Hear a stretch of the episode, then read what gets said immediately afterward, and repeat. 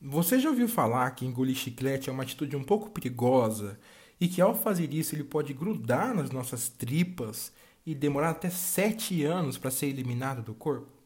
Se a sua resposta for sim, ou ainda se você é o tipo de pessoa que coloca medo em alguém afirmando isso, esse podcast foi feito especialmente para você. Por isso eu te convido a ficar até o final desse episódio, pois você vai se surpreender com a resposta. Para quem não me conhece, eu me chamo Leonardo Barbosa, sou estudante de medicina, estou no segundo ano e estudo na Unifal. Para facilitar o entendimento, é preciso conhecer um dos sistemas mais brilhantes do nosso organismo, o sistema digestivo. Ele é formado por diversos órgãos, como o intestino, o estômago e o fígado, por exemplo. E ele possui um comprimento de mais de 10 metros. É muito grande. É por meio dele que nosso organismo transforma a lasanha, o brócolis, o arroz em moléculas pequenas que chamaremos aqui genericamente de nutrientes. Esse processo ele começa na boca por meio da mastigação, ou seja, com a ajuda dos dentes, e da salivação, né, com a nossa saliva, e vai acabar nos intestinos, com a formação das fezes e a absorção do que é importante para o nosso organismo. Agora, para entender em relação ao chiclete, é necessário saber também do que ele é constituído.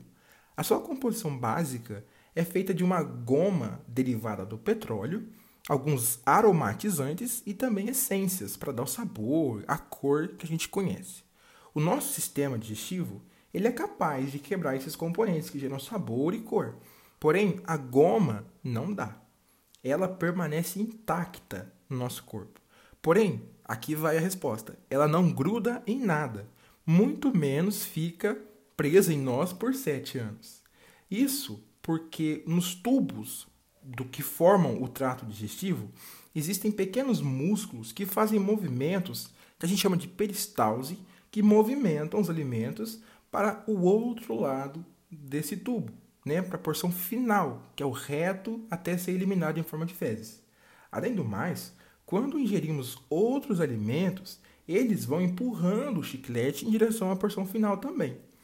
Portanto, por mais que o chiclete não seja degradado de fato, ele não fica preso no nosso corpo. Porém, essa afirmação está totalmente errada? A verdade, não.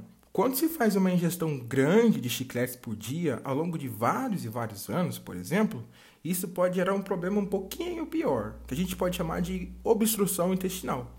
Ou seja, os tubos por onde passam os alimentos, eles podem ficar tampados e nada mais passa. Nesse caso, é um problema sério. Quer um conselho? Na dúvida, jogue fora o chiclete.